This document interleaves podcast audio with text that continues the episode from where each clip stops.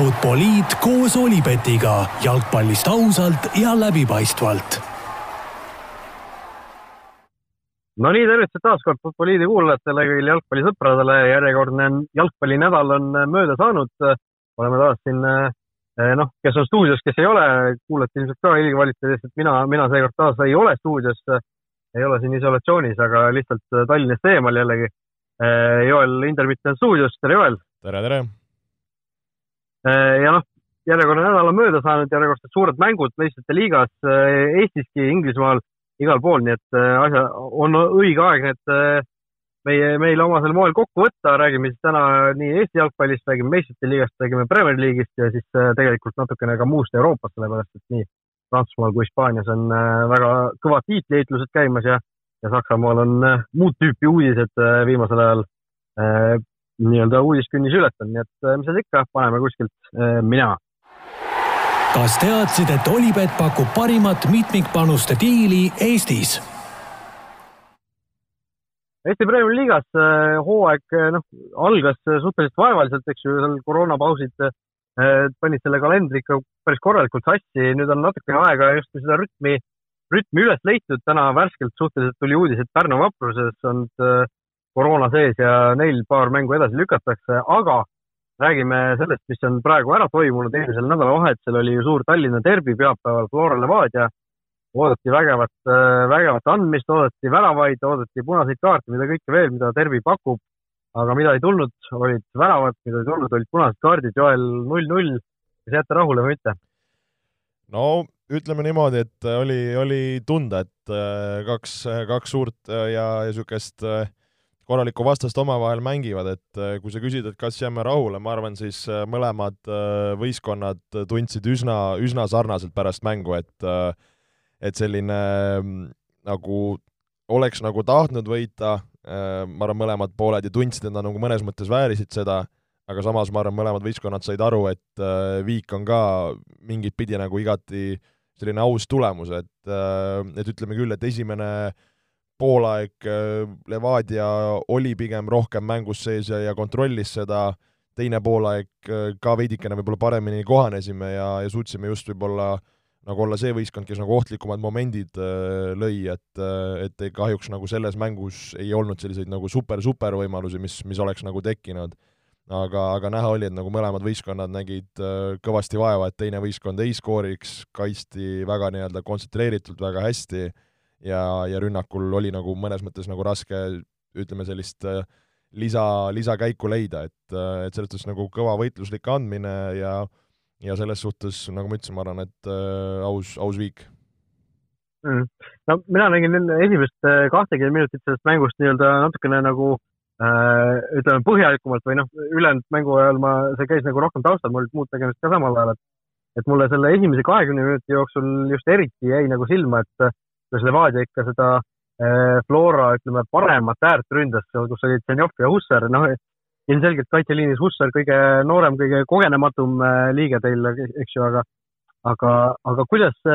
kuidas see nüüd niimoodi on sattunud, et kas Kristo Hussar ongi nüüd Flora põhimees, et eh, vahepeal ju tulid siin uudised, et Luka on terveks saanud, Kallaste on terveks saanud, et aga neid veel nagu mängu pole pandud, et Hussar on ikkagi oma koha veel säilitanud, et noh, ütleme isiklikust huvist ka, kuna Hussar minul Premiumi liiga Fantasy's on, on kindlalt nagu meeskonnas sees, siis kas, kas peaks, peab, peaks mehe ikkagi alles jätma, et või, või on varsti oodata, et ikkagi eh, kogenumad vanemad mehed tulevad, võtavad oma koha tagasi põhikoosseisus? jah, kui sa mainisid seda esimest kahtekümmet minutit, siis tõesti, see oli võib-olla see kõige kriitilisem aeg, kus me ei tulnud toime seal võib-olla Levadia vasaku ääre selliste liikumiste rotatsioonidega, et äh, tegelikult oli seda võimalus äh, üsna, üsna nagu ütleme, kergelt ja targalt tar-, ära lahendada, aga, aga see hetk äh, mängus ei, kohe alguses ei suutnud seda teha. aga selles suhtes nagu ma arvan, Hussar on, on teinud nagu tublid mängud, et tegelikult seda nii-öelda premium-liiga kogemust on tal vähe, äkki selline niisugune viis ja natukene peale mänge on, on, on tal kokku tulnud, et sellistes suurtes mängudes äh, paratamatult on, on vaja niisugust äh, kogemust ja, ja seda suurte mängude oskust aga kui sa küsid, et kuidas edasi, siis jah, tõesti, Kallaste ja Luka on, on, on oma vigastustest äh, tagasi tulemas ja ja, ja võistkonnaga siin treenimas, et äh, eks äh, kui mehed on terved, siis, siis, siis mängib see, kes, kes on kõige parem ja ja kes võistkonnale kõige kasulikum sellel hetkel on vägev, vägev vastus äh,. ilusti, ilusti kõik, kõik äh, nii-öelda kellelegi haiget ei teinud selle vastusega, kõik, kõik said, kõik said aru äh,. Olulisi teemasid veel, ütleme Flora, Flora puhul just äh, siin paar päeva tagasi oli Flora Instagramis oli takeover, eks ju, Rauno Sappinen äh, seal vastas küsimustele ja, ja näitas oma päeva ja sealt mul jäi üks sihuke huvitav asi silma, et et äh, kuna Sapine on teil põhiline penaltilööja, siis küsiti sealt, et mitte, noh, kui palju ta penaltit nagu harjutab või tuleb see loomulikult ja vastus oli, et, et Sapine lööb viis kuni kümme penaltit nädalas, et sina kui Flora treener, kas see on, kas see on piisav arv? Sellepärast, et kui mina, mina kunagi mängisin neljandas liigas, meil oli kaks trenni pluss mäng nädalas, ma arvan, et ma lõin ka üle kümne penalti ja harjutasin nagu niisama. kuigi ma olin, ma arvan, viimane penaltilööja meie meeskonnas. no ütleme niimoodi, et äh, see on, ma arvan, nagu iga mängija puhul erinev, et äh, no ütleme, nädalas sul on niisugune viis-kuus trenni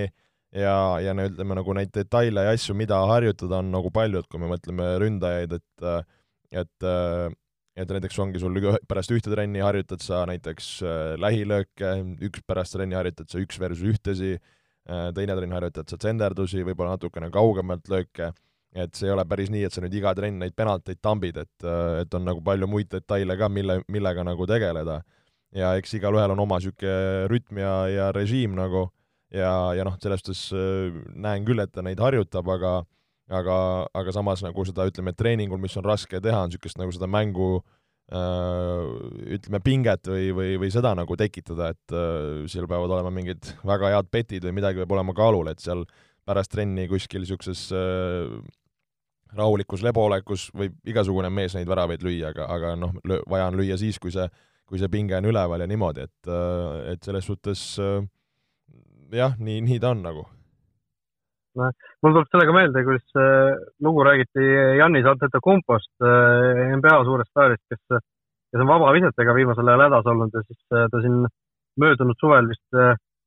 tegi selliseid trenne, et, et noh, tegi mingeid seal jooksmisest lõike ja siis viskas vabaviskeid ja iga mööda visatud vabaviske jooksul tal oli naine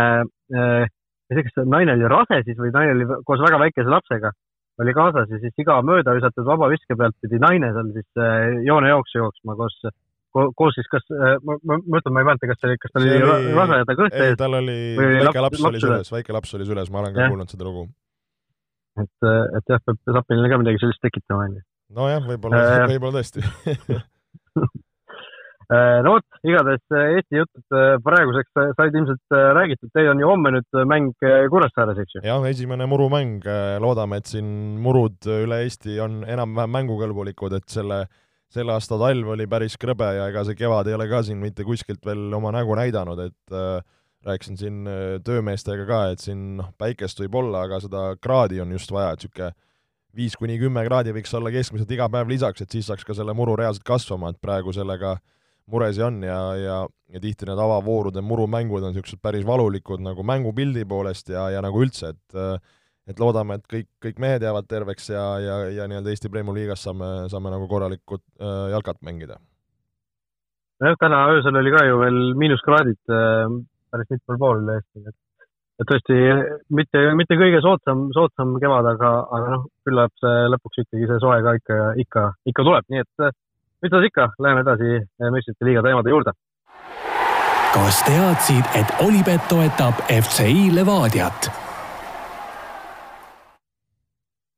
meistrite liigas poolfinaalid eh, eh oma avalahingud eh, eile-üleeile said, teisipäeval siis Real Madrid, Chelsea mängisid eh, maa üks-üks viigi ja eile BSG, Man City sõi see üks-kaks lõpuks. kaks väga sellist huvitavat, põnevat kohtumist, no võtame selle Real Chelsea esimesena ette noh, üks-üks oli ilmselt suhteliselt aus tulemus, oli seal, oli seal emb-kumb võistkond, kes, kes nii-öelda rohkem jäi selle viigiga rahule või kes, kes, kes tundis, et, et seal oleks pidanud nagu ikkagi selle mängu ära võitma?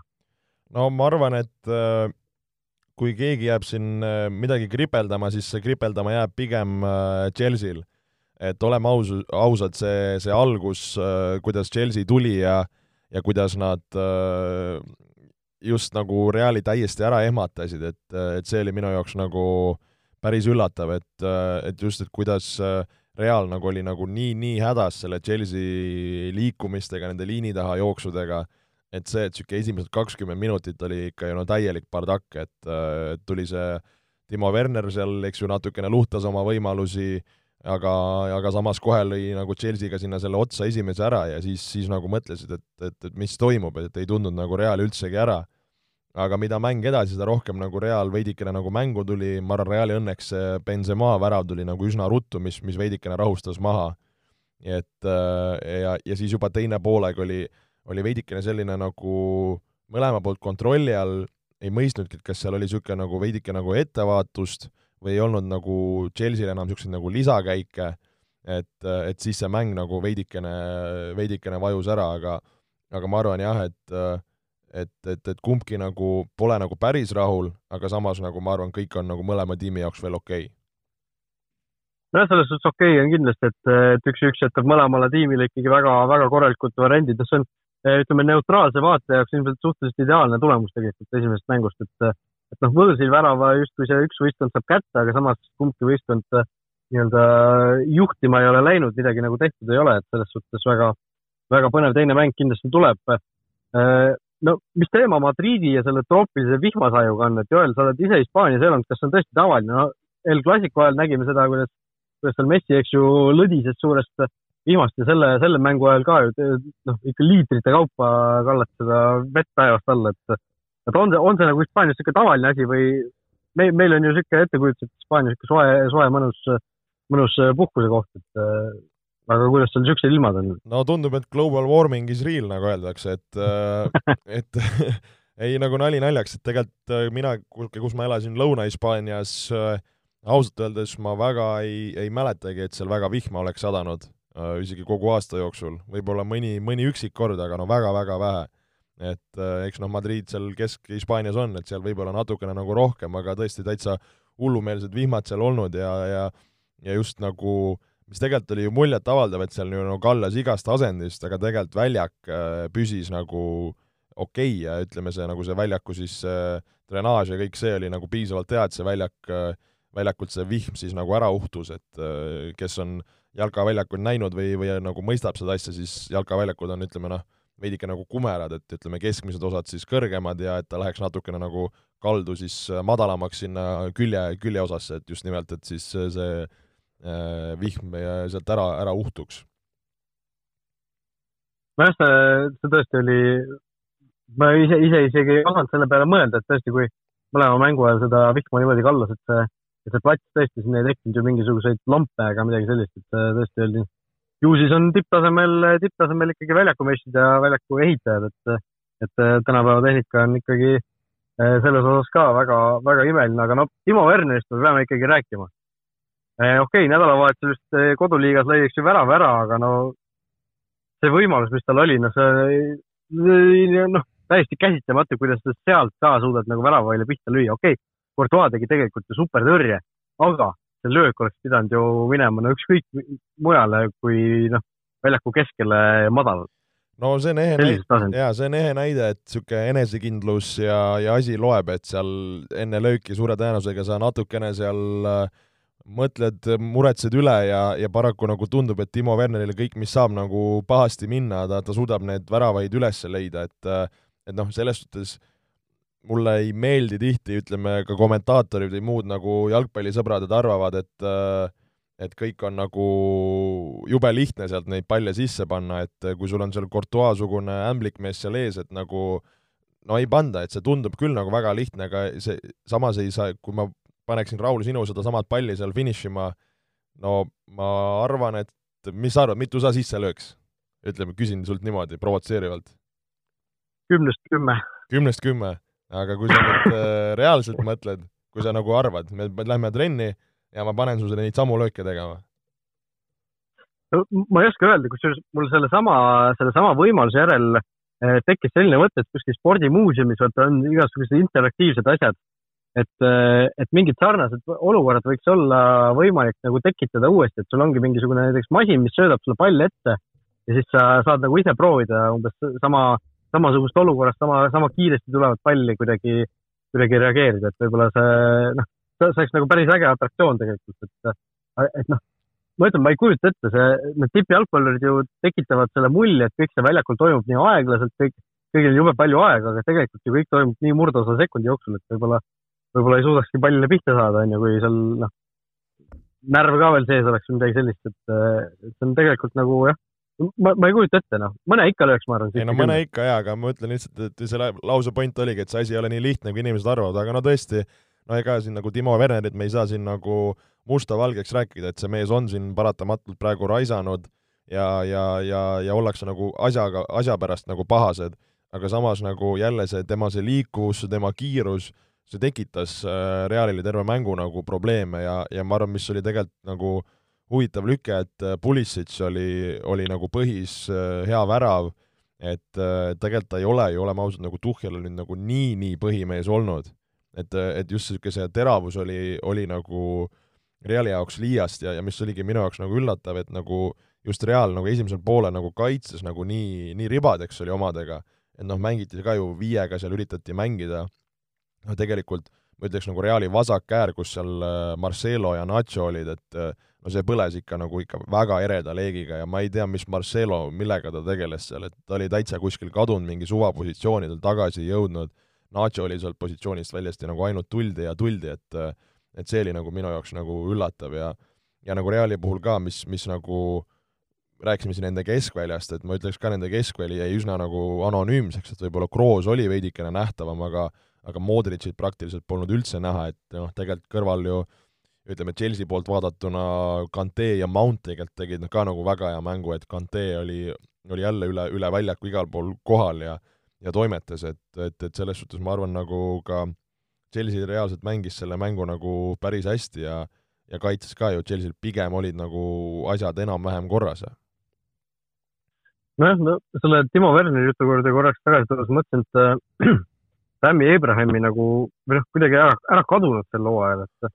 tegelikult on kakskümmend üks liigamängu teinud, et ta ei ole nagu vähe mänginud. see oli siin hiljuti oli vahepeal vigastatud ka, aga, aga noh, seda ei ole nagu kuidagi enam näha, et noh, Giroud on seal pingi peal nagu kogu aeg olemas ka, aga aga vahepeal tasub nagu meelde tuletada, et see mees on ka Chelsea'l endiselt olemas tegelikult, kes eelmisel hooajal ju tegi väga, väga korralikku hooaega. jaa, selles suhtes küll, et äh, just arutasime ka trennis Rauno Zappininiga, ründajaga, kes on äh,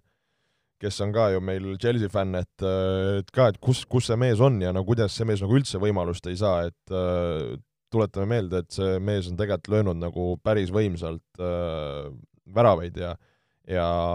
ja, ja selles suhtes ta tegelikult ju, kui ta mängis eel-, eelmistel aastatel, ta mängis nagu hästi, et okei okay,, Giroud on tulnud siin vahetusest ja aga samas nagu sa oled Tammy Abraham, sa teed tööd, sa oled nagu mängu teinud varasemalt ja siis sul nagu Timo Werner ees, kes nagu tegelikult ei realiseeri, et nagu kuidas see vend nagu üldse oma šanssu ei saa. aga samas see nagu, just arutasin kellegi ka nagu nii-öelda mängijaga, et et see ongi tegelikult ka nagu jalka olemus mõnes mõttes, millest tihti võib-olla nagu tavainimene aru ei saa, et ükskõik, lähed sa eestlasena välismaale, oled sa ükskõik mis mängija nagu, et sa võid olla väga hea vend, sa võid ropult tööd näha, sa võid olla parem kui see teine vend, aga kui treener või klubi sind näiteks ei hinda või ei taha panna, siis lihtsalt ei olegi mitte midagi teha, sa ei mängigi ja, ja nii ongi nagu. et see, see on nagu selles mõnes mõttes niisugune nagu karm äh, jalkamaailm. jah, jah, eks ta, eks ta nii ole, aga, aga noh, kordusmängust äh, rääkides, äh, mida me sealt ootame, noh, selles suhtes üks-üks see esimene mäng jäi, eks ju. Chelsea, ma ei teagi, kes, kes siis nagu äh, peaks selles mängus edasipääsusoosik olema, et äh, mul on mingi, millegipärast on ikkagi sisetunne ütleb praegu Chelsea. no ma arvan, et jah, et Chelsea võib minna nagu väikse favoriidina, ma arvan, et arvestades seda, et neil on võõrsilvärav kirjas, arvestades, et nad äh, mängivad kodus ja, ja nagu see mäng oli nagu pigem nagu hea, noh, kui me mõtleme nagu Reali peale, siis noh, tagasi on tulemas juttude järgi Ramos, Äh, Ferland Mendi peaks äh, vasakkaitses võib-olla selle või vasak wingbacki koha peal võtma, võtma siin äh, koha sisse, noh, ma ei tea, mis seisus on Hazard, et, et selles suhtes nagu ma millegipärast isegi annaks nagu niisuguse kerge soosiku Chelsea'le, aga samas nagu Real, ma arvan, nagu ei muretse üldse nagu, et, et see nii-öelda nende kogemus ja, ja võimekus minna kas või sinna Stamford Bridge'ile, vahet ei ole, mis see seis on, et nad suudavad selle enda kasuks nagu võivad vabalt nagu pöörata, aga ma ei ole hetkel lihtsalt nagu nii nagu veendunud selles või, või, või kuidas sina seda näed, kummale sa niisuguse soosiku koorma annaksid? no, no ma ütlen nagu kerge sihuke sisetunne ütleb Chelsea kasuks, ma vaatasin praegu Olibeti koefitsiente ka, et Chelsea ikkagi on suhteliselt kindlalt isegi soosik edasipääsu mõttes, et üks koma kuuskümmend neli Chelsea ja Real kaks koma kakskümmend kolm on siis äh, edasipääsu koefitsiendid, päris äh, sellised äh, ootamatult isegi suured äh, nii-öelda jõudude vahekorrad, aga nagu sa rääkisid ka seal, eks ju, Mendi võib tagasi olla, Ramos ilmselt on tagasi äh,. noh, Marcelo, kes tegi ju kehva mängu, Marcelo kohal on ju küsimärk, seda võib-olla, kui keegi pole kuulnud või lugenud, siis äh, kiirelt äh, üle rääkida, et et äh, kutsuti siis mees, noh, kel, tal on Hispaania kodakondsus olemas äh, juba vist kümme aastat ja, ja siin nädalavahetusel on äh, kohaliku omavalitsuse valimised, kuhu ta kutsuti siis vaatlejaks, ehk siis Hispaanias on mingisugune selline süsteem umbes nagu USA-s selle vandekohtunikega, et, et sind mingil hetkel võidakse lihtsalt kutsuda nii-öelda täiesti suvalisel hetkel kodanikukohust täitma ja, ja seetõttu, kui ta sealt, sellest nüüd lahti ei saa, siis ta peab kordusmängust eemale jääma, sest ta Reali sellest nii-öelda koroonamullist äh, tuleks, tuleks tal lahkuda, aga no see oleks, oleks tõesti üks äh, veidramaid põhjuseid, miks, äh,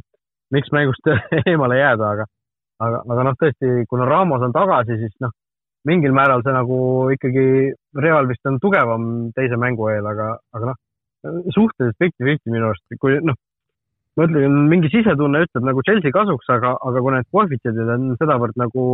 ühele poole kaldu, siis kui ma panustama peaks äh, nende koefitsientidega rahaga, siis ma paneks Reali peale. ma isegi, selline... jaa, isegi täitsa, täitsa päri sinuga, aga kui rääkida siin nagu tagasitulijatest ja korra mainisin Eden Hazardi, siis äh, no tahaks niisuguse päris nagu kurja ja pika rändi siin Eden Hazardist teha, aga nagu ei hakka tegema, et, et selles suhtes mees nagu tuli sinna peale ja, ja noh, ma ei tea, eks mis ta täpselt tervislik seis on, et ta noh, see Reali karjäär ju, ta tuli seal ligi kaheksakümne milliga, on olnud nagu tegelikult nagu täiesti olematu, et, et on olnud neid vigastusi igasuguseid, on olnud siin mingeid fantoomasju, mida kõike, et tegelikult ju see Reali statistika, kui ma vaatan praegu, et ta on siin mänginud siis erinevate sarjade peale kokku Reali eest kolmkümmend kaheksa mängu ja löönud kõigest neli väravat. ta on olnud kaks aastat seal, kaks aastat, et sa oled mänginud nagu kahe aasta peale. see on no täiesti tegelikult ju ebareaalne. et äh, mees, kes pani ju Chelsea's hullu, ma ütleks ausalt, kui ta oli Chelsea's äh, nagu see main man, ta oli top viis, top, top kümme maailma mängija, noh, ta oli põhimõtteliselt pidurdamatu, ta tegi kõike. Et nagu kuidas see mees nagu on, kas ta on tõesti siis nagu Reali jõudes seal nagu lasknud ennast nagu nii lebosse, me ju näeme, kuidas tal on seal väike kõhuke seal ees ja kuidas tal on nagu niisugune, ma ei tea, kas lifestyle on nagu käest ära. et, et see nagu seesama mäng ka, kui ta tuli seal vahetusest, nagu niisugune lihtsalt tiksub seal midagi, teeb paar korda, kaotas palli ära nagu, et, et ikka nagu väga kehva versiooni on, on äh, Real Madrid omale saanud nagu praeguse nagu Eden Hazardi näol, et, et äh, et noh, me oleme ennem sellest rääkinud ka, et see nagu Reali ülemine kolmik nagu peab olema nagu terav ja ohtlik, et seal on ainult praegu Karim Benzema, kellelt sa saad nagu väravaid kes on nagu fenomenaalne olnud, et aga, aga nagu ülejäänud mehed, sa ei, sa ei tea, mis sa saad, et äh, tahaks nagu Hasardit nagu nii-nii palju rohkem, et see on, see on tegelikult on piinlik nagu, mis ta, mis ta teinud on, oleme ausad. nojah, aga samas, kui sa ütlesid, eh, noh, Chelsea's ta tegelikult, tal oli ka ju vahepeal oli, käis niimoodi üle hooaja see kuidagi, et tegi väga hea hooaja, siis, siis jällegi, kui Chelsea ka kuskil ära vajus, siis ta, noh, oligi ju see, kui äh, kui nad tulid äh, kõigepealt sellel Leicesteri tiitlihooajal, nad olid ju, Chelsea oli kuskil kümnes või noh, see oli täiesti mingi katastroofhooaeg neil. Ega Hazard ka siis ju mingit, äh, mingit head aastat ei teinud, järgmine aasta nad tulid meistriks, istus ära, siis nad vajusid jälle natuke tagasi, vajus ka Hazard tagasi, et ta ei olnud tegelikult Chelsea's ka nagu selline äh, noh, niivõrd stabiilne, et ta hooaeg hooajalt oleks olnud, äh, pannud nagu alati, ma ei tea, kakskümmend väravat ja viisteist söötu. et, et siis, kui ta oli nagu hea, siis ta oli tõesti väga hea, aga, aga tal oli juba tegelikult minu arust Inglismaal selliseid noh, suuri langusi, et ei no hea oli need ei olnud, need, need ei olnud nii suured nagu praegu muidugi, aga noh, see niisugune nagu ebastabiilsus oli tegelikult olemas. ja ei, seda küll, aga no Reali eest ta pole praktiliselt hea olnudki, et sa, noh, see ongi ainult no, ei, seda küll, seda muidugi mm. jah äh,, aga noh, kordusmängu äh, osas on meil äh, teateid edastada ka Olipetilt, nimelt on siis uutele panustajatele Olipetis sellele Chelsea Real mängule kahekümne viie eurone raha tagasi garantii, mis tähendab seda, et, et isegi kui panus kaotab, siis saad oma raha tagasi, panustatud raha, see kehtib siis uutele panustajatele. Ja, ja Oliveti kuulaja küsimus on samuti sellesama mängu kohta. Ja, ja küsimus puudutab siis meest, keda, kelle nime me vist täna väga ei ole maininud veel, Karim Benzema. mitu väravat Karim Benzema selles kordusmängus lööb, no tuletan meelde, et ta siin ju äh, selle, selle väravaga, mis ta siin äh, Chelsea'le esimeses mängus lõi, tõusis meistrite liiga kõigi aegade skooritabelis ühele pulgale legendaarse Rauliga, äh, minu esimese lemmikjalgpalluriga. ja, ja seitsekümmend üks väravat siis mõlemal kirjas on. ja tegelikult Robert Lewandowski, kelle hooaeg meistrite liigas on juba lõppenud, tema on ka veel tegelikult Benzemaal täiesti käeulatuses, vaid kahe värava kaugusel, ehk siis mitu väravat Karim Benzema selles kordusmängus lööb, on, on meie Olipeti kuulajamängu küsimus seekord ja mina vastan, et Karim Benzema lööb ühe värava. no ma arvan ka, et ühe kätte saab, et, et see oleks tegelikult ju äge tegelikult, kui ta, kui ta natuke rohkem lööks, tõmbaks Levandovskist mööda, sest noh, Benzema, ma ei tea, kas on sellepärast, vaata, kui me koostasime siin eelmine suvi ka neid äh, tabeleid äh, selle sajandi parimatest jalgpalluritest, siis noh, seal ka kuidagi kumas läbi, et see Benzema võib-olla väärtus teda nagu, teda nagu ei osata hinnata väga et noh, võib-olla see on seotud sellega, et ta nagu koondises ei mängi nüüd viimasel ajal, aga noh, tegelikult see mees on teinud ikka uskumatult kõva karjääri väga, väga kõvas klubis, väga pika ja sellise noh, stabiilse karjääri, ta ei ole ju, tema ei ole selliseid ärakukkumisi teinud. Jaa, ei, ma olen nõus, et äh, ma olen ka pigem temale natukene siin puitu pannud, aga samas see mees teeb, teeb mängu, lööb väravaid, ei noh, tegelikult ei ole siin midagi öelda, et väga-väga äh, kõva vend, no tõesti, igatahes äh, selline siis Olipeti kuulajamängu küsimus on, äh, vastake siis Olipet Estonia Facebooki lehel äh, meie viimase saate postituse all kõigile õigesti vastanutele, kes samale mängule vähemalt viie eurose panuse teevad, ükskõik mis nii-öelda panu, panustamisliigi osas, siis, siis Olipet kõigile õigesti vastanutele annab siis kakskümmend eurot tasuta panustamisraha. vot, aga BSG City, eilne mäng siis ka pikalt tundus, et on selline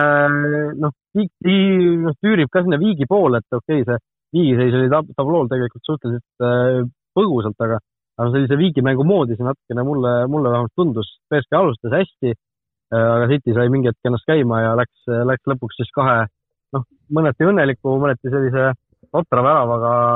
seda paari juhtima, sai võõrsil kaks-üks võidu kätte äh, no ma ei tea, millest alustada, võib-olla kronoloogiliselt mängu algusest, et BSG ju tegelikult alustas hästi. tundus, et nagu keskväli kuulub neile, City ei saanud ennast hästi käima ja, ja see Marquinhose värav äh, nagu oli selles suhtes äh, BSG jaoks äh, teenitud. No jah, kui sa ütledki, et, et niisugune see nagu mängukulg oli, siis tegelikult nagu see on igas mängus sellest sarnanenud, et City on veidikene alguses nagu kompinud, pole päris oma mängurütmi nagu leidnud Eh, just nagu alguses, ütleme niisugused esimesed kakskümmend, kolmkümmend mintsa, aga pärast seda on, on ütleme, igas paaris tegelikult seda mängu kontrollitud ja pigem domineeritud. et ma ütleks, et nagu üsna, üsna sarnane muster ka, ka selle mängu kohta. Et näha oli, et see e-, esimene BSG värav, see, see lõi nagu City vähe kõikuma ja andis äh, BSG-le nagu niisugust äh, lisamotti, aga ma ütleks, et äh, üsna nagu kriitiliselt, et see oli niisugune nagu BSG põhimõtteliselt nagu äh, ainuke hea hetk mängus, et äh, ülejäänud minu jaoks oli, oli nagu noh, kuidas ma ütlen, nagu pettumus valmistavalt niisugune nagu kehv nende mäng. no Martinose värav äh, jällegi tasub iga, igal aastal meelde tuletada, mis selle mehe vanus on, et ta näeb nagu selline vanem välja või noh, kuidagi see, ta oleks nagu justkui, ma ei tea, kümme või viisteist aastat seal tippjalgpallis keerelnud, aga ta on ainult kakskümmend kuus tegelikult. et, et ma ei tea, võib-olla üks alahinnatumaid keskkaitsjaid isegi tippjalgpallis. okei okay,, me hakkame siin rääkima, kuidas BSK kaitse hiljem totrad asjad sisse lasi, aga, aga noh, sellegi, sellegipoolest tegelikult ju noh, ta neid väravaid nagu oskab lüüa ikkagi kaitse koha pealt nii sel kui eelmisel hooajal meistrite liigas, nii veerandfinaalis kui poolfinaalis värava löönud, et noh, see on ikka päris, päris kõva näitaja tegelikult. jah, meeter kaheksakümmend kolm pikkust, et ei ole tegelikult ka ju mingi nüüd superkoll, kes peaks seal õhus domineerima, aga, aga nina on ja tõesti on niisugune väga mitmekülgne mängija, et äh, ise olen küll ka nagu tema mängu suur austaja, et no, mida nagu varasemalt võib-olla nagu tahaks, tahakski rohkem, et ongi, oleks ka nagu kaitses niisugune betoneeriks ära, et seal noh, seal võib nagu vahest nagu kõike juhtuda, et, et see, see aga nagu tema puhul jääb, aga, aga tõesti nagu selle koha pealt vinge, vinge vend. just, aga noh, see, mis kõik sealt edasi sai, oli, oli ikkagi City pidu. Pape Neimar võeti väga hästi ees, eest kinni, noh, Di Maria võib-olla neist kolmest oli kõige ohtlikum, aga aga no need kaks väravat, mis löödi, olid ikkagi täiesti eh, noh, noh, sellised, sellised võtab peast kinni, et kõigepealt see De Bruyne värav, kes ei ole näinud, siis noh, sisuliselt niisugune kahekümne viie meetri pealt niisugune väike tsenderdus karistusalasse, lendas kõigist üle ja kõpsti taha, taha posti. Navas seal nagu jäi ootama seda, et keegi nendest meestest, kes seal värava esisel olid ja selle peale üritasid hüpata et keegi saab just, justkui pihta, aga noh, lõpuks keegi ei saanudki ja lõpuks selle pallini ei jõudnud ka, et, et noh, selline täpselt no õpiku senderdus mingis mõttes, et pane see pall niimoodi, et isegi kui kedagi ei puuduta, siis ta võib ikka lõpuks värava peale minna. jaa, selles suhtes niisugune kaval pall, aga, aga vaatasime kohe, niisugune meil on äh, Floras komme ka, et väravahti treeneriga siis äh, Aiko Orgliga võtame need väravahti täpardused tihti, mis, mis läbi, nii-öelda läbi analüüsime ja, ja arutleme ja vaidleme seal, et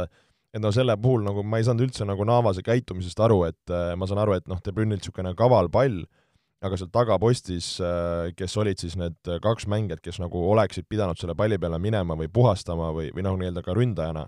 et minu jaoks need mängijad jäid nagu väga kaugele ja nad isegi nagu ei, ei teinud nagu niisugust nagu palli ründamist, mis oleks nagu Navase niisuguse nagu ütleme, fookuse või, või selle nagu ära ehmatanud. et Navas jäi nagu seda kuidagi nii kaua ootama ja see nagu oli järskudele nagu nii suur üllatus et, et äh, nagu Navas, kes tegelikult on ju kõvasti tassinud ja nagu on, on olnud hea, et ma ütleks, et see nagu see, selle puhul ikka nagu päris, päris kehvasti tegutsetud ja ja see oli näha ka, et see, see andis nagu äh, Cityle niisugust lisaemotsiooni, see lõi Peeskel masti maha, et ma ütleks, et see värav oli niisugune nagu kõva murdepunkt äh, selles mängus ja, ja noh, siis selle peale juba läks City hakkas, sai oma mängu käima ja selle peale hakkas nagu BSG järjest rohkem ka lagunema, ütleks ma. BSG puhult niisugune äh, vana aja niisugune klassikaline BSG meistriliiga bottle job, et äh,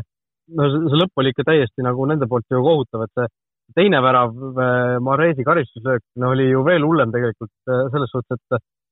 müür, mis peaks olema ju noh, ikkagi kindel, tegi täpselt niisuguse pallisuuruse augu sinna. üks mees hüppas, ma ei tea, tegi ennast kõveraks, hüppas natuke küljega, teine, teine täpselt samamoodi peegelpildis ja täpselt sealt, sealt kohast see pall läbi läks, et noh, no selle kohta ei saa ju öelda ebaõnn BSG poolt, kui sul müür teeb sellise asja. no ei tohi teha, me oleme näinud siin Ronaldo näol äh,, aga ma lihtsalt ei mõista kunagi seda, et nagu, et nagu ega Mahrez sealt, ma arvan, lööma ei lähe, ta läks seda ette risti lööma ja tal see löök ebaõnnestus, et nagu mis on see tõenäosus, et need kaks meest seal nagu hüppavad, nad keeravad need küljed niimoodi sünkroonis lahti ja siis täpselt see pall vupsab sealt läbi, nagu et see, see tundub nagu mõnes mõttes nii ebareaalne, aga näe, sellised asjad juhtuvad ehk äh, see on nagu ehe näide, kuidas nagu noh, müüris ei, ei tohi olla, sa pead seal minema, olema külg küljega kõrval ja minema sealt õhku. et, et nagu tõesti niisugused nagu väga valusad eksimused, väga valusad väravad, mis noh, lõpuks äh, maksavadki sulle selle, et kas sa pääsed edasi meistriliiga finaali, kas sinust saab legend või mitte. et nagu kui väikestes detailides tegelikult on, on nagu jalka kinni ja see tulemus nagu kinni. et, et see on ka niisugune nagu omaette nagu nüanss, ma ütleks jah, see on seesama mantra, mida ma olen tegelikult saates ju varem ka korduvalt äh, korrutanud, et, et jalgpall nagu nii suur mäng, aga tegelikult otsustatakse see tulemus ja, ja kõik need, ma ei tea, töökohad ja, ja suured palgad ja asjad otsustatakse nii väikeste hetkede pealt, et, et noh, seesama, noh, mis sa tõidki välja, et see, et see pall täpselt sealt niimoodi läheb, täpselt niimoodi see löök ebaõnnestub, et täpselt nii need mehed keeravad ja, ja ongi värav olemas, et noh, ega seal Naavasel ka enam midagi suurt teha ei olnud, kui noh, sa ei eelda, et see pall tuleb sealt niimoodi müürist läbi, onju. et, et äh, ma ei tea, kas te selle, seda ka arutasite Aiko Orgaga ja seda väravat, no, ei tohi, ei tohi. Naavasel küll süüdi olnud. ei olnud, aga, aga ma ütlen, et nagu, mis minu jaoks oli üllatav, et äh, no ma aimasin, et äh, BSG võib anda niisuguse initsiatiivi ära, me nägime ka seda veidikene nagu Bayerni vastu, aga, ja noh, just mõtlesin, et nagu Pochettino, kes on nagu Pepi vastu mänginud ja tegelikult tunneb ja teab teda nagu üsna hästi ja on tegelikult ka nagu edukalt mänginud et minu jaoks oli nagu üllatav, et kuidas BSG äh, nagu, nagu nii selline nagu alalhoidlik oli või nagu nii ettevaatlik, et okei okay,, ma saan aru, sa mängid kaitsest lähtuvalt, aga ega nad tegelikult ju ei suutnud ka sellest nagu kaitsest lähtuvalt siis nagu kontrat joosta, et ma noh, mis me siin eelmises äh, stuudios rääkisime ka, et, äh, et no kindlasti tekib seal nagu kontramoment ja sul on Mbappé-sugused vennad, City mängib seal kõrge liiniga. et tegelikult ju nagu Mbappé'd põhimõtteliselt me ei näinudki. et seal on võib-olla korra sai seal liini taha, korra andis seal Verratile ühe söödu, aga põhimõtteliselt see oli kõik. et nagu Papee-sugune vend oli nagu täiesti mängust väljas. ja Neimar ka, kes nagu oli nagu mõnes mõttes aktiivne, aga kõik ta, ütleme nagu action'id toimusid seal kuskil nagu oma nagu, ma ei tea, kolmekümne, neljakümne meetri peal, kus ta siis üritas triblada, et seal on vaja, et nagu võistkond oleks nagu kõrgemal. ja, ja just, et niisugune nagu see BSG nagu suutmatus nagu ise mängu teha, kuidagi sealt kontrat joosta, oldi nagu nii ettevaatlikud, siis teisel poolajal me ei tea, kas niisugune nagu Koreas tundus nagu niisugune nagu füüsiline väsimus või nagu vaimne väsimus või mingi usk nagu, et nägin ka kuskil äh,, Arseen Wenger ütles, et nad, et, et, et, et kuidas ei suutnud siis nagu teisel poolel lisakäiku panna, et ongi see, et nad on sellel hooajal nagu kaheksa mängu nagu näiteks äh, Prantsusmaa liigas kaotanud. et ka selline nagu enesekindlus, et kas ma suudan nüüd, kui meile üks-üks lüüakse, et kas ma suudan selle nagu võiduks keerata või nagu enda kasuks pöörata või lööb nagu masti maha, et minu jaoks nagu see just see nagu BSG niisugune nagu äh, see tujutus või, või, või nagu ma ei tundnud neid ära nagu, et see oli minu jaoks nagu nii võõras, et jah, kindlasti see oli nagu hea nagu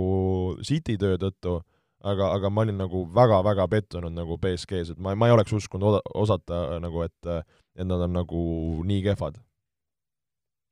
noh, ja see, noh, nagu ma rääkisin sellest tavalisest BSG lagunemisest, see Idrissa Gay punane kaart ka tundus täpselt sellise ideaalse lagunemise osa, et et kellelgi sõidab natukene katus ära või noh, mitte katus ära, aga aga lihtsalt äh, nagu mingi frustratsioon ja asjad kogunevad, siis teed mingeid selliseid lollusi, et, et tõesti seal noh, ei olnud kellelgi ilmselt midagi selle vastu vaielda. aga kas Kevin De Bruyne oleks ka pidanud punase kaardi saama lõpus? mis sinu arvamus sellest olukorrast on? no see oli päris nagu robustne, ma pigem, ütleme, ma ütlen, see oli roosa, aga ma ei ütleks, et see punane oli või, või sinu äh, kohtuniku silm nägi seal punast? no ma olin ka niisugune kahe vahel, et, et ma arvan, et seal oli ka see, et kuna kohtunik andis alguses kollase ära, siis seda, seda, see ei olnud nagu nii suur eksimus, et seda hakata ümber pöörama. et või noh, seda otsust nagu ümber muutma, et ilmselt, ilmselt võib-olla kui ta oleks sealt kohe punase andnud, siis, siis, siis ilmselt oleks see otsus ka püsima jäänud. ma arvan, et see oli selline olukord, ma ei ole siin teiste, noh, teiste kohtunike, nagu ma oleks ise hull kohtunik viimased aastad olnud, et, et ei ole et ma ei ole siin kohtunikega ka sellest olukorrast rohkem rääkinud, et mis nemad sellest arvasid, aga, aga no ma ei oleks ka imestunud, kui sealt oleks nagu punane kaart taskust tõusnud tegelikult, see oli suhteliselt sarnane olukord tegelikult. natuke, natukene leebem, natuke väiksema intensiivsuse pealt, natuke madalamalt astutud, aga, aga noh, suhteliselt äh, laias laastus ikkagi äh, võrreldav. jaa, aga samas De, De Brünist nagu rääkides, et äh, järjekordselt Peep suures mängus mängib ilma ründajata, mängib De Brüniga siis seal false nine'i peal, sul on pingil Sterling, kelle asemel mängib Foden, sul on pingil Aguero, Jesus et nagu päris, päris julged äh, valikud ja, ja nagu mõnes mõttes päris sür, sür mõelda nagu, et sul noh, ongi Sterling on pingil ja mängitud noh, Aguero Agueroks, eks, aga et, äh, et, et võtab, mängib ja, ja teeb selles suhtes. no aga see, see nagu enam ei ole ju mingisugune üllatus isegi, et ta viimasel ajal ongi ju ilma, ilma Jesusi ja Aguerota mänginud. jaa, aga lihtsalt Jesusi ta ilmselgelt ei, jah, Jesusi ta nagu ei usalda viimasel ajal, Aguero ka ei, ilmselt ei ole enam piisavalt, äh, piisavalt hea lihtsalt tema jaoks ja, ja noh, lihtsalt äh, nii ongi, aga, aga tõesti, noh, City, äh, noh, jumal tänatud, et neil on see üks nõrkus, mis neil on, et neil ei ole nagu seda ühte venda, kes seal ees nagu väga stabiilselt ära lööks. muidu oleks, muidu võiks, noh võiks, võiks siin saate ära lõpetada varsti ja City, City iga sarja võitjaks kuulutada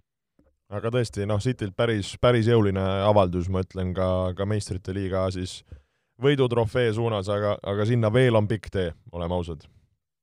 no on veel pikk tee, noh, samas mitte enam nii pikk ka, et kaks mängu vaja, vaja sealt ära võita või isegi esimest mängu ei pea isegi võitma, piisab, piisab seal niisugusest minimaalsest kaotusest isegi null-üks, null-üks kaotus viiks neid teises mängus isegi edasi, aga aga noh, see selleks tõesti noh, nagu sa ütlesid, pikk tee on veel minna. et, et need, need kaks on need kõige raskemat mängu, mis, mis nüüd tulevad. meistrite liigas Äh, jutud vist on räägitud või? jah, võime pakkuda, et siis kes läheb ka nendest paaridest siis edasi? no enne, enne esimesi mänge mina ütlesin või noh, me mõlemad ütlesime Real ja BSG. Äh, mina paneks praegu lihtsalt, muudaks sada kaheksakümmend kraadi enda arvamusi ütlen Chelsea City Inglise finaal tuleb. no selles suhtes ma äh, nagu veidikene kartes tahaks sinuga nagu nõustuda aga lihtsalt ka siis nii-öelda vastandudes jään, jään Realile truuks, loodan, et äh, näitavad seal klassi ja, ja lähevad edasi, aga, aga siin noh, kui peaks oma pakkumist nagu saaks, saaks muuta, siis äh,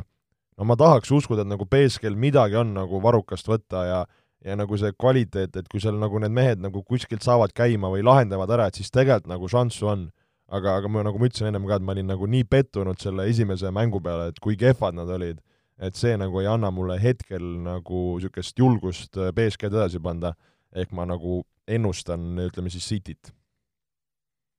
okei okay,, no Chelsea BSG finaal oleks võib-olla kõige ägedam isegi, et Tuhhel, Tuhhel BSG vastu, Tuhhel teist aastat järjest finaalis ja, ja noh, ongi, et kas, kas Tuhhel kaotab kaks korda järjest finaalis või kaotab BSG kaks korda järjest finaalis.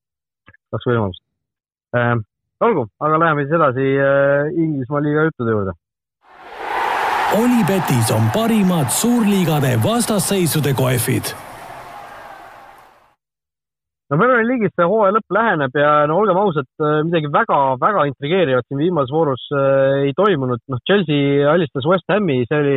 oli kindlasti selle nädalavahetuse kõige olulisem mäng ja kõige suurem mäng ja noh, läks nii nagu karta oli võib-olla, et Chelsea ikkagi oma kvaliteedi pani, pani maksma ja ma noh, kuna Chelsea on praegu ju liigas ka tegelikult nagu selles suhtes kindlalt mänginud, siis äh, nagu see West Hami võit oleks olnud mõnes mõttes minu jaoks ime, et see kogu hooaeg on olnud neil nagu üks suur ime, aga see, et nagu Chelsea ka ära võtta, see oleks pidanud nagu olema niisugune paljud asjad oleks pidanud nagu kokku langema, aga seda see nagu seekord ei olnud, et et Chelsea selles suhtes jätkab, jätkab marssimist ja, ja ma usun, et nagu päris, päris jõuliselt panevad nad ka selle hooaja lõpu. Noh, Liverpool äh, ei saanud kodus Newcastle'ist jagu, tegid üks-üks viigi, mis tähendab, et nende top neli unistus ka ikkagi natuke veel äh, peab ootama. Noh, esinelikus, mis veel, Leicester võitis, Manchester United tegi Leedsiga viigi, mis oli ka üks võib-olla kõige pettumust valmistav mäng sellest nädalavahetusest, noh, kui esimene mäng oli, mis see, mis see lõpuks jäi, kuus-üks see seis või kuus-kaks? kuus-kaks vist äkki, jah. nüüd jah, et siis nüüd null-null selle pealt teine mäng teha oli ikkagi, oli ikkagi selline lati alt läbiminek võib-olla mõlema võistkonna jaoks, aga aga noh, viik selles suhtes mõlemale ikkagi mingis mõttes sobis, noh, Unitedil ka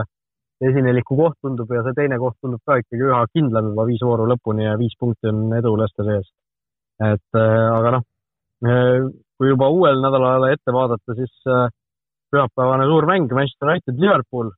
Liverpool siis hetkel Chelsea'st ehk siis esineliku viimasest võistkonnast taga nelja punktiga. Võimalused tegelikult sinna esinelikusse jõuda neil endiselt on täiesti olemas, hoolimata sellest viigist isegi. et noh, kas äh, Liverpool suurema motivatsiooni pealt võtab, võtab ja sööb Unitedi ära või Solskjaeri mehed ikkagi, ikkagi panevad enda paremuse maksma? no ma arvan, et see on selline selles suhtes niisugune suur mäng ka nagu psühholoogiliselt, nagu sa ütlesidki, et kas äh, Liverpool näitab, et me oleme nagu mängumehed, me suudame siin võita keda, keda tahame, kui, kui nagu on vaja ennast kokku võtta ja mängivad ennast sinna üles top nelja poole. Või ongi see, et United näitab, et, et davai, et meie oleme nüüd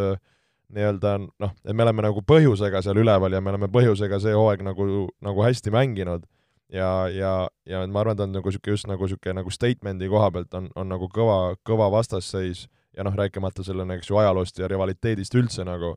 aga, aga ma isegi jah, ma nagu tunneks nagu, et, et Liverpool on võib-olla nagu niisugune nagu eriti näljane praegu, et see, et seda manuskalpi seal võtta. Ja samas nagu Ole Gunnar on, on äh, Kloppi vastu nagu päris, päris hästi tulemusi kätte saanud, et äh, et isegi nagu ei tea, see võib minna nagu mõlemale poole, aga mul on tunne, et kuidagi, et Liverpool on veidikene praegu nagu kurjaks aetud ja, ja võime näha nagu päris, päris vihast Liverpooli. no vot, nüüd hakkame vaidlema, sest minul just, äh, mina nagu Liverpooli puhul seda mingisugust iha või, või viha või mingisugust erilist energiat nagu ei näe, et noh, kui neil see oleks, siis nad oleks siin viimased mängud ju tegelikult äh, Leedsi ja Newcastli vastu ära võtnud, et noh, see derbi mängu puhul ma arvan, et see on täpselt selline mäng, mille United võiks võita. et, äh, et nad noh, kinnistavad oma positsiooni veel, noh, Liverpooli vastu niikuinii seda motivatsiooni küsimust ei ole. Solskjaer teab äh, väga hästi, mida see vastasseis tähendab, mängijad teavad ka väga hästi ja ma arvan, et siin äh, ikkagi United võtab enda oma ära, no United viimati kodus Liverpooli kaotas vist kaks tuhat neliteist, nii et et sellest on ka ikkagi päris palju möödas, kui, kui noh, Old Traffordil Liverpooli alla jääda, et ma arvan, et kindlasti ei lõpe see mäng Liverpooli võiduga, aga mina ennustaks isegi, et United võtab siit sellise isegi kindla võidu, ma ütleks okay.. selline on minu ennustus. okei okay., päris niisugune no, julge. no Unitedi puhul ma olen viimasel ajal nii palju mööda ennustanud, et lõpuks on aeg pihta ka panna. okei okay,, okei okay. hakkasid midagi ütlema, et oled, oled minuga nõus mingi ma nagu mõnes mõttes olen nagu nõus jaa, et, et, et selles suhtes ega seda nagu, ma räägin, et ma nagu olen seda mitu korda öelnud ka, et see Liverpooli nagu see suutmatus ja, ja, ja, ja niisugune nagu olek on nagu olnud nagu nii võõras minu jaoks ja, ja ma nagu ei ürita nagu, ma ei suuda nagu mõista, et kuidas see mõnes mõttes nagu jätkub, et ma nagu kogu aeg arvan, et selline tiim nagu üks hetk peab selle asja nagu ümber pöörama ja nagu sa nagu ootad ja ootad seda, aga seda ei tule nagu. Ja, ja see ongi minu jaoks nagu kõige nagu kahtlasem, et okei okay,, et sul on nagu korraks mingi kehv vorm, okei okay,, sul on korraks mingid vennad vigastatud, aga et see nagu kuidagi nagu kestab ja kestab, et, et sellepärast ma nagu tahakski nagu arvata, et äkki selles nagu suures derbimängus nagu needsamad mängumehed, kes tegelikult on ju mängumehed, nad võtavad jalad alt, kõhu alt välja nagu ja suudavad nagu mängu teha, et et see on nagu minu jaoks niisugune lihtsalt nagu müstika, et ma kuidagi võib-olla sinisilmselt usun, et äkki nad pööravad, aga samas nagu ju siis mitte nagu. Jah, see kogu top neli võistlus tegelikult praegu on päris äh, selles suhtes huvitav, et seal ikkagi äh, päris paljud võistlused on tegelikult mängus sees, no isegi Everton. Evertonil on mäng vähem peetud, nad on kuue, kuue punktiga Chelsea'st maas, et noh, nad selle jällegi klassikaline, kui nad selle vähem peetud mängu ära võidavad, oleks vaja ainult kolm punkti ja piisaks ühest, ühest kahest libastumisest seal Chelsea'l, et, et asi ümber pöörata. Chelsea väravate vahe muidugi räägib tunduvalt nende kasuks, aga aga noh, tegelikult seal on ikkagi kogu see esikaheksa on veel, on veel nagu mängus sees, et isegi Tottenham ja, ja isegi, isegi Everton ja isegi Liverpool on ju, et et see, selles suhtes see Premier League'i top neli võistlus läheb siin päris, päris ägedaks. noh, uuest nädalast selles suhtes rääkisimegi, et see Liverpool matš või Manchester United Liverpool on kõige, kõige põnevam mäng. noh, võib-olla mainime siin kiirelt ära ka selle, et liiga karika võitis siis Manchester City, kes alistas finaalis Tottenhami üks-null ehk siis Tottenham endiselt äh, karikat taha, seal Young-Min-Son nutis pärast mängu suurest aastast ja Harry Kane ka endiselt äh, on noh, ei ole mitte ühtegi autasu võitnud oma karjääris äh, nii-öelda profijalgpallurina, et see on muidugi päris sür tegelikult. Harry Kane on üheksakümmend kolm sündinud, noh ta kas, kas on juba kakskümmend kaheksa või saab kohe kakskümmend kaheksa. et ja noh, nii kõrgel tasemel nii, nii pikalt juba mänginud ja ikka veel ilma suurte karikateta. jah, no see, see oleks olnud vajalik just Keiniga võib-olla su suvisesse jäämisesse sinna, eks ju, oleme rääkinud ka, et mis temast saab, aga no selles mängus ka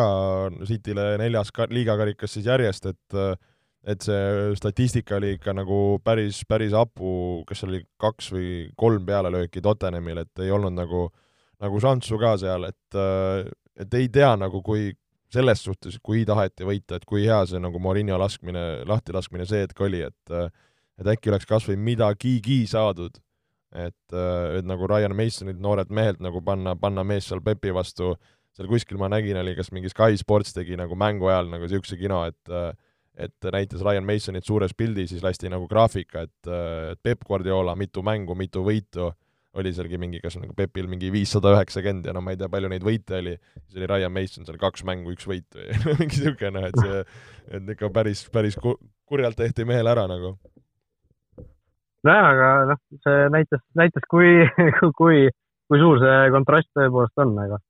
aga noh, see selleks, Premi jutud on meil räägitud, läheme edasi vast Fantasy juurde, sellepärast et Fantasy's ka meil pole ju ammu rääkinud seal nendest, nendest asjadest, mis seal toimub ja noh, ilmselt, ilmselt ka sellel põhjusel, et meil kummalgi vist väga hästi ei lähe, et äh, mina äh, unustasin ära, et eelmisel nädalal algas voor reedel. siin jällegi äh, meeldetuletus neile kõigile, kes Fantasy't mängivad, et ka sel nädalal esimene mäng on reedel, nii et tasub, tasub juba praegu või homme hommikul oma asjad ära teha. aga noh, minul jällegi läheb, läheb päris kehvasti seal, ei, ei saa asjadega rahul olla. Futboliidi liigas kuuekümne kaheksas koht, ma ikka langenud päris sügavale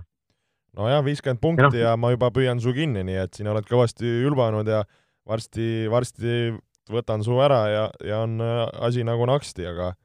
aga ka mul, no mul on olnud niisugused nagu keskmised, niisugused neljakümne, viiekümne, kuuekümne punktised raundid, et seal mõned mehed on tassinud, siin Lingard tassis, Salah tassis, aga, aga jah, ei saa aru, kust seal kõikidel need seitsmekümnesed ja kaheksakümnesed raundid tulevad, et äh, et, et, et on jah, väikene, ütleme, fopaa selle aasta see, see meeste valik olnud, oleme ausad. nojah, mul nagu mehed on ka siuksed, et äh, nimed on justkui head, aga, aga noh, ei tooda, noh, vahepeal oli siin see Manchester City kolmik Stones, äh, Cancelo, Gündogan, kes oleks nagu pidanud tegema, aga aga siis, siis hakkas Peep roteerima, siis ei ole neid vaja ja mul on see tasuta transferite chip ka juba kasutatud, nii et ma nagu ei saa siin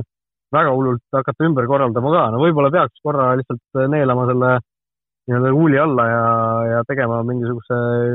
kümne või kahekümne punkti eest neid transfereid ja mingisugune korralik võistkond kokku panema, noh, kokku panna endale, aga või no ma ei tea, see, see hooaeg on minu jaoks nagu aia taha läinud, aga aga, aga noh, aia taha ei ole läinud äh, meie, meie liiga tippudel, sellepärast et vahepeal on meil tekkinud uus liider, äh, Raido Rush ja tema võistkond Pisu Händ on siis äh, liigat juhtimas. no vaatame korra lihtsalt üle, kes siis, kes siis temal seal mängu teevad, kuuskümmend neli punkti viimases voorus, jällegi väga tugev, tugev esitus, noh, Luke Shaw on toonud punkte, Antonio Rüdiger, mõlemad mehed minul ka. Ja Nacho, eks ju, noh, kes on kuum poiss praegu. Äh, Salah on kapten olnud, äh, on hästi punkte toonud, äh, noh, Lingard on ka sees, et üldiselt jah, kui sa vaatad peale, siis tegelikult ei ole nagu midagi erilist midagi, mida nagu ise ei suudaks välja mõelda, aga aga just need asjad, kuidas, kuidas need õigel ajal just õiged vahetused teha ja õiged asjad kätte saada, siis see on tal hästi õnnestunud. jah, no ikka Nacho on olnud ju viimastes mängudes fenomenaalne, kõvasti lammutanud, Lingard samamoodi ja et, et, et seal ongi niisugused mini, minidetailid paned pihta, pink ka kõva seal, Son, Kein, et äh, pole, pole viga. Just, just, just äh, ja noh, äh, vaatame kiirelt üle ka siis ülejäänud seisu seal Futboliidi Fantasy liigas, Kaspar Onkel ja Äiu Ää, tema teisel kohal hetkel siis üheteist punktiga liidrist maas ja FC Messi Joosep Toots, kes meil vahepeal pikalt liider oli, tema siis üheksateist punkti liidrist maas ja kolmandal kohal, nii et, et seal sellised sellised arengud äh, meie Futboliidi Fantasy liigas, aga laseme vahepeal kõlli ja läheme vaatame, mis ka mujal Euroopas toimub. Kas teadsid, et Olipet on Eesti spordiennustajate esimene valik? no mõtlesime kiirelt äh, sellise teistsuguse, tavapärasest teistsuguse rubriigi ka siia tuua, sellepärast et äh, mujal Euroopas ka tegelikult päris põnevaid sündmusi toimub, noh, Bayerni peatreeneriks Andrei Pliki asemel saab siis kolmekümne kolme aastane Julian Nagelsmann Äh, Leipzigist üle ostetakse, mina, minul on selle kohta kirja pandud üks suur, suur selline märksõna käpsis igav. Noh, see ehtne see asi, millest me eelmise aastaga või eelmine aasta, eelmises saates tegelikult rääkisime ka, et kui Bayernil on midagi vaja, siis nad ostavad lihtsalt oma parima konkurendi juurest äh, selle parima mängija, noh, antud juhul parima treeneri ära, et et no ei midagi uut Saksamaal. ei midagi uut, et et selles suhtes ma olen sinuga nõus, et see on nagu igav ja kurb, et see muster nagu kordub ja kordub ja ja, ja nagu muud ei ole, aga samas, kui nagu, kui ma mõtlen nagu treeneri seisukohast, et okei okay,, seal Hansi Flickil läksid asi, asi vähe nagu risti seal, tema läheb Saksamaa koondise juurde, mis, mis on nagu tema jaoks hea move, siis jääb sul Bayernina, jääbki see äh, tool nagu tühjaks. Ja nüüd on siis küsimus, et nagu kes selle üle võtab, et samas nagu seda Nagelsmanni haipi on olnud nagu nii, nii kaua äh, ja no mõnes mõttes nagu asja eest et, et, et ega sul nagu väga häid nagu muid mõnes mõttes valikuid ei ole ja nagu Nagelsmann ise ka ju tahtis, et ta ju ise ka seal pöördus, et äh, lõpetaks selle nagu äh, lepingu ja, ja, ja seal oli, tuli vist kas kakskümmend viis milli Bayernil ka välja käia, et, et Nagelsmann nagu üle tuua. et, et, et selles suhtes nagu, kui sa oled nagu Nagelsmanni rollis, siis nagu muidugi, aga nagu ma, ma saan aru sinu, kui nagu, kui sa räägid nagu Saksa jalgpallist ja üldse nagu, et, et ma arvan, nagu see Nagelsmanni jaoks nagu päris nagu kõva pähkel, et on nagu olnud haipi kõvasti, et kuidas ta nüüd nagu nagu, nagu suures, selles suhtes suures tiimis äh, suudab perform ida, kuidas ta suudab seal need mehed kontrolli all hoida, et noh, Leipzigi ja Offenheimi ridades ta on teinud tegelikult ikkagi nagu päris, päris hullu tööd, et et selles suhtes ma nagu olen kogu aeg nagu huviga jälginud, millega ta, mis ta nagu teeb ja, ja mis, kuhu teda tiivad kannavad. et nüüd on nagu selles suhtes on korralik nagu tõehetk kätte tulnud, aga jah, ma olen nõus, et, et see nagu muu Bundesliga kontekstis on, on, on nagu paha lugu. jah, aga seal Leipzigiga muidugi sel aastal meistriliigas ju noh, sisuliselt ju tegelikult põrus Liverpooli vastu, et et kummaski mängus ei suudetud äh, ennast kuidagi peale suruda, Liverpool oli sel hetkel ju oma sellisest kõige haavatavamas olukorras ka veel, et et, et eks seal küsimärke on, äh, noh, Leipzigi peatreeneriks muide selle, see tasub ka ära märkida, saab siis äh, ameeriklane Jesse Marsh kes liigub siis noh, Red Bull Salzburgist Red Bull Leipzigi. et selline ka väga noh, etteaimatav, etteaimatav liigutus. jaa, seda küll, no, no nad on ju ka mängijatega, eks ju, neid liigutusi teinud, et aga, aga seda, ka seda Jesse Martsi liikumine sinna, et selles suhtes põnev, et ta on seal olnud äh, minu arust abitreener, ta on olnud, eks ju, selles äh, Salzburgi tiimis, et see nagu, ta ema jaoks on nagu tuttav ja ma siin äh, mäletan siin koroona isolatsiooni ajal vaatasin paar korda selle Jesse Marsi mingeid niisuguseid webinare ja asju, kus ta äh, rääkis seal oma Salzburgi taktikatest, asjadest, treeningutest, et tundub nagu no mulle väga meeldis tema nagu niisugune jutt ja olek ja, ja nagu jalgpalli arusaam, et, et ma nagu huviga vaatan ja jälgin, et mis ta, mis ta nagu tegema hakkab, et, et, et põnev mees ja nagu see no ja lihtsalt ongi kurb see, et nagu Leipzig Nagelsmanni käe all, no võib-olla ka Marchi käe all, noh, on olnud praegu siis nagu see punt, kes veidikene nagu Bayernit siin sügab, et, et, et kui see peaks ka nagu ära kukkuma, siis noh, siis see Bayerni ju eh, trofeede kapp nagu saab, saab, saab varsti nagu nii täis, et, et, et seal vaja hakata rekkaga nagu neid karikaid minema viia, et see, see on lihtsalt see kurb asi nagu. No just, aga, aga noh, Saksamaa juurest hüppame sujuvalt Hispaaniasse Äh, sellepärast, et Hispaanias on see tiitlivõitlus läinud ikkagi järjest põnevamaks sisuliselt, kui vahepeal tundus siin, et Real on ikkagi pärast noh, seda võitu Barcelona üle suur soosik, siis nad on teinud äh, seejärel null-null viigi Getafega ja null-null viigi Real Betisiga ja, ja punkte, noh, neli punkti ära andnud. ja liider on praegu noh, neljapäeva pärastlõunase seisuga endiselt Atletico Madrid seitsekümmend kolm, Real seitsekümmend üks ja Barcelonal ka seitsekümmend üks, aga Barcelonal on täna õhtul üks mäng Granadaga veel varuks et äh, täna õhtul võib juba olla seis selline, et Barcelona on tõusnud kolmandalt kohalt liidriks. ja, ja lisaks nendele kolmele tegelikult äh, tuleb siia vestlusesse lisada, noh, äh, see Villahe Center de Chat, ütleme niimoodi. siin on võite järjest ikkagi kamaluga võetud liigas ja, ja seitsekümmend punkti ehk siis ainult kolme punktiga Atleticust maas, noh, me oleme kõik selle Sevilla tõusu maha maganud või? No veidikene küll, et äh, no osalt seetõttu, et lihtsalt need ülemised pundid on käkkinud, et kui me kunagi rääkisime, et mis saab äh, Hispaania äh, nii-öelda ütleme meistrist, siis on, ma ütlesin sama lause, et kes nagu vähem käkib või kuskil ära annab, see võidab. et noh, praegu need Reali kaks viiki, noh, täiesti lubamatud selles kontekstis. see, et nagu Atletico kuskil väristab, seda me nagu aimasime ette. et nagu praegu ütlekski nagu Barcelona ja Sevilla on nagu kõige veenvamalt tulnud et äh, noh, see Atletico Barca mäng tuleb ikka noh, korralik, korralik finaal, aga, aga ausalt öeldes ma nagu, kuna Real on käkkinud, Atleticol on nagu vibra sees, ma ausalt nagu, nii raske, kui seda öelda ei ole, ma nagu, nagu tunnen, et see võib olla nagu isegi Barca võtta, kui aus olla. no praegu jah, kui peaks nimetama selle soosiku number üks, siis minu jaoks oleks ka kindlasti Barcelona, et et aga, aga noh, paneme kuskile, kuskile kalendrisse selle igaks juhuks kirja ka, et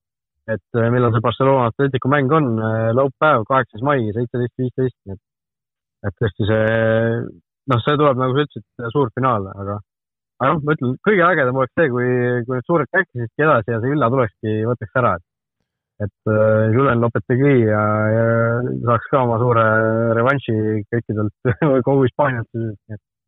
et see oleks, oleks päris äge. viimasest kahekümne neljast punktist kakskümmend kaks on see Villa võtnud siis, võtnud siis ära liigas, pole paha. Pole paha. vot ja tegelikult äh, suur tiitlivõitlus on, äh, on käimas ka Prantsusmaal, kus siis äh, noh, oli ka tükk aega neli, neli võistkonda, kes, kes võitlesid tiitli peale, aga nüüd eelmisel nädalavahetusel Leon kaotas liidrite lahingus Lillile ja tema langes siis sisuliselt juba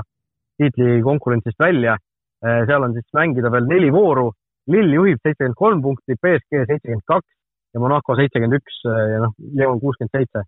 ehk siis eh, noh, seal on ka ikkagi täiesti noh, võta üks kolmest lihtsalt. ja tundub küll ja, ja nagu noh, ütlesime ka, et nagu, et BSG-l, kui sa vaatad, Lill see hooaeg kaotanud kolm kohtumist, BSG kaotanud kaheksa, Monaco seitse, Lyon viis nagu, et nagu noh, et siin me näemegi seda nagu BSG selle hooaja nagu minekut, et kui sul on ikka nagu kaheksa kaotust all ja sa mängid nagu tiitli peal, et see on ka nagu mõnes mõttes omamoodi nagu märkimisväärne aga, aga selles suhtes äge jah, et nagu üle pika aja me näeme nagu,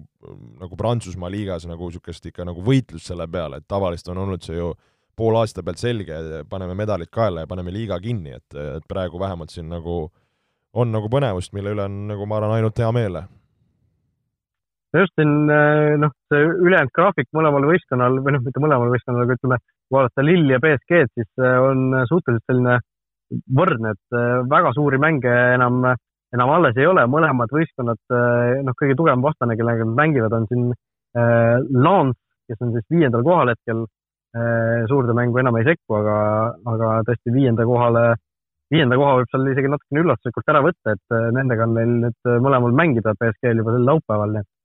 et noh, jällegi sama, sama reegel ilmselt kehtib vist, vist Hispaanias, et kes, kes lihtsalt vähem käkib sinna hooaja lõpus, see on, see on, on võitja. jah, seda küll ja, ja samas, kui vaadata ka korra sinna Itaalia poole, siis seal noh, tundub, et äh, tiitlit on, on Inter enda kätte üle pika aja haaramas, aga tegelikult äh, kohad äh, kaks kuni, kuni viis on päris metsik, et siin noh, Atalanta kuuskümmend kaheksa ja siis on Napoli, Juve ja Milan on kõik kuuekümne kuue peal. et siin ka nagu üks kaotus, üks viik siin võib, võib päris nagu kõvasti tõsta ja kas ongi nii-öelda ütleme, Euroopa liiga või meistrite liiga, et, et selles suhtes ka ütleks nagu tegelikult, kui me praegu neid kõiki liigasid ette mm, loeme, siis nagu ei mäletakski, et nagu kõikides suurliigades, ütleme siis noh, nimetame seda niisuguse, nagu ma ei tea, esinelikuks või, või kolmikuks, et nagu kõik on ikka nagu väga-väga tihedalt üksteise kõrval kinni ja, ja nagu kõva madin käib, et ei, ei nagu ei mäletagi sellist hetke viimati, kus oleks nagu igal pool nagu põnevust olnud. jah, aga mõnes mõttes see ongi see, mida me hooaja alguses ju ootasime või ennustasime, et see koroonahooaeg noh, paneb sellise korraliku noh, viskab, ütleme, kaikaid kodaratesse paljudele tegelikult. noh, BSG-l, BSG puhul ju see oligi hooaja algus väga konkreetselt, kui neil olid ju noh, sisuliselt äh, terve põhikoosseis oli ju koroonaga väljas ja sealt nad oma mitu kaotust kohe, kaotust kohe hooaja alustuseks said, aga no Itaalias noh, see Juventuse langemine troonilt on ikkagi pigem vist seotud selle Andre Pirlo ja kogu selle muu sellise koperdamisega, mis seal klubi noh, meeskonna juhtimisel on tehtud, et noh, ühest küljest nagu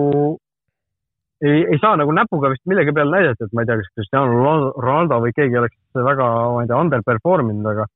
aga kogu see võistkond on justkui nagu mingisuguse suure sammu tagasi teinud tegelikult. no pigem küll, et no sellest me oleme rääkinud, ma arvan, Pirlo on, on, on kindlasti nagu, kelle otsa vaadata, aga nagu me oleme rääkinud, ega need üleminekud või see võistkond ka nüüd nagu nii-nii tugev ei ole aga samas äh, kuskil, kui sa nagu seda Aniellit on kõvasti maha tehtud, siis tegelikult ju Anielli käe all on, on, on tulnudki see ju see Juventuse ülemvõim ja ja, ja nagu head, head olukorrad, et ja, ja meistritiitlid, et noh, et see praegune superliig, kõik see nagu jama välja arvata, siis äh, selles suhtes on, on tehtud tegelikult ju juves head tööd, et see langus kuskilt pidi tulema, kas ta, kõik ootasid, et see toimub praegu, nagu seda võib-olla mitte, aga, aga jah, selles suhtes küll, et Juvel on, on, mille üle mõtelda, ütleme nii äh,. jah, kindlasti, aga noh, Itaalias minu, minu ütleme, selline suur äh, soov oleks tegelikult see, et Juventus jääks sealt esinelikust välja, see oleks, see oleks lihtsalt kihvt no,. et äh, eriti pärast seda superliiga superliiga asja. no see oleks valus, see oleks äh, valus. ja noh, Milanist on kahju, et Milan on kaks mängu järjest kaotas ka Sassuolole, Laatiale ja noh, kui nemad ka sealt esinikust välja jäävad, no see oleks tõesti valus, et äh, arvestades seda, kui võimsa hooaja alguse nad tegid, kuidas seal Zlatan säras ja need noored poisid seal hullu panid, et, äh, et sellest oleks tõesti kahju, kui nemad nagu isegi, isegi meistrite liigasse ei pääseks selle peale, aga aga noh, Serie A hakkab ka ikkagi vaikselt nagu selliseks päris jalgpalliliigaks uuesti muutuma, et seal noh, tipus nagu intriigi jagub, et seal vahepeal, kui ma ei tea, Juventus üheksa aastat järjest võitis, siis äh, kuidagi noh, okei okay,, sa ütlesid ka, Anelli tegi head tööd, eks ju, Juventus, Juventus pani hullu, aga aga no kogu see ülejäänud liiga nagu väärtus kuidagi selle, selle tõttu mandus nagu paljude silmis ilmselt. ja olen et, nõus, olen no, nõus. ei olnud enam nii äge nagu seda jälgida, et noh, Laavani koduklubi Kaljari kolm võitu järjest, roninud nüüd sealt väljalangemistsoonist välja muideks. seda tasub ka siin jälgida, kuigi nad on võrdsete punktide peal siin Beneventoga, kes on kaheksateistkümnendal kohal, et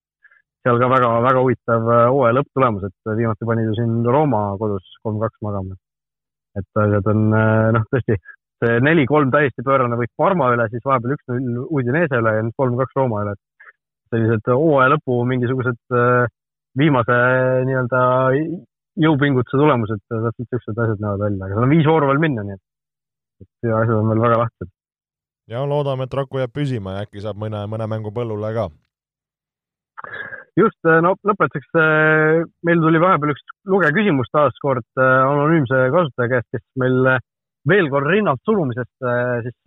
selle kohta kirjutas, mis meil siin kaks aastat tagasi teemaks oli. ja noh, toob tema välja meil meelis, et kahe tuhande kaheksandal aastal üks, üks selline huvitav, huvitav lugu, lugu tehti, et kui palju eestlased rinnalt suruvad, noh, Märt Roosna selle selle autor on, see ilmselt kedagi ei üllata, täpselt niisugune tema, tema teema, mida uurida. ja seal jalgpallurite,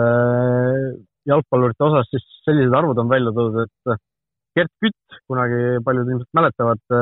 Nõmme Kalju väravavaht oli, tema on tuule alla teinud saja kolmekümnele kilole, Tarmo Kink sada viisteist kilo, Heino Puri üheksakümmend viis kilo, et noh, päris vägevad näitajad muidugi see Gert Küti sada kolmkümmend ja Tarmo Kingi sada viisteist, aga aga nagu mõlemale mehele nagu peale vaadata, siis ma ei tea, kui usutavad need tulemused on, et Gert Kütt, kes oli ju noh, siiamaani selline ikkagi väga peenike inimene sada kolmkümmend kilo rinnalt, kas see kõlab nagu loogilisena? no ja ei tea, ei, ei oska nüüd kinnitada või ümber lükata nende tulemuste õigsust, aga ja, ja ei, nii hästi ei tea nende jõunumbreid ka, et see tundub nagu Küti kohta päris nagu jõuline number, mida üles tõsta, et ei, ei hakka siin jah, liialt võib-olla kommenteerima või, või jaurama sellel teemal ausalt öeldes nojah, Tarmo Kink sada viisteist ka, no jah, tahaks näha tegelikult, aga noh, ma, ma ei tea, ma ei oska nagu, ei julge nagu välistada ka, et. ei, kindlasti mitte. pealtnäha nagu ei, ei julgeks, ei julgeks pakkuda, aga noh, kink on kink, noh. jaa, ei muidugi. Äh, vot, nii et äh, kell veel meile rinnalt surumida või, või jalgpalliteemalisi küsimusi on, siis poliitpodcast.gmail.com. ja vaikselt juba niisugune jõu, jõusaali podcast kui, kui jalka podcast siin no miks, miks mitte, miks mitte, kui, kui see on meie nišš, jalgpall pluss jõusaal, siis las, las nii olla. Äh,. vot, igatahes tänud kõigile kuulamast, järgmine nädal oleme tagasi, et rääkida juba siis meistrite liiga finalistidest ja, ja poolfinaalide lõpplahendustest. Loodavat, loodetavasti tuleb palju draamat, palju väravaid, palju, palju viimase sekundi mingisuguseid muudatusi, et et öö, äh, ootame-loodame ja, ja oleme jälle nädala lähemal ka EM-finaalturniirile, mis juba siin noh, pooleteise kuu pärast hakkab, isegi vähem kui pooleteise kuu pärast. juba paistab, juba paistab. vot nii, kõike head, kohtumiseni! olge mõnusad! vutiviikendi parimad kohvid leiad Olipetist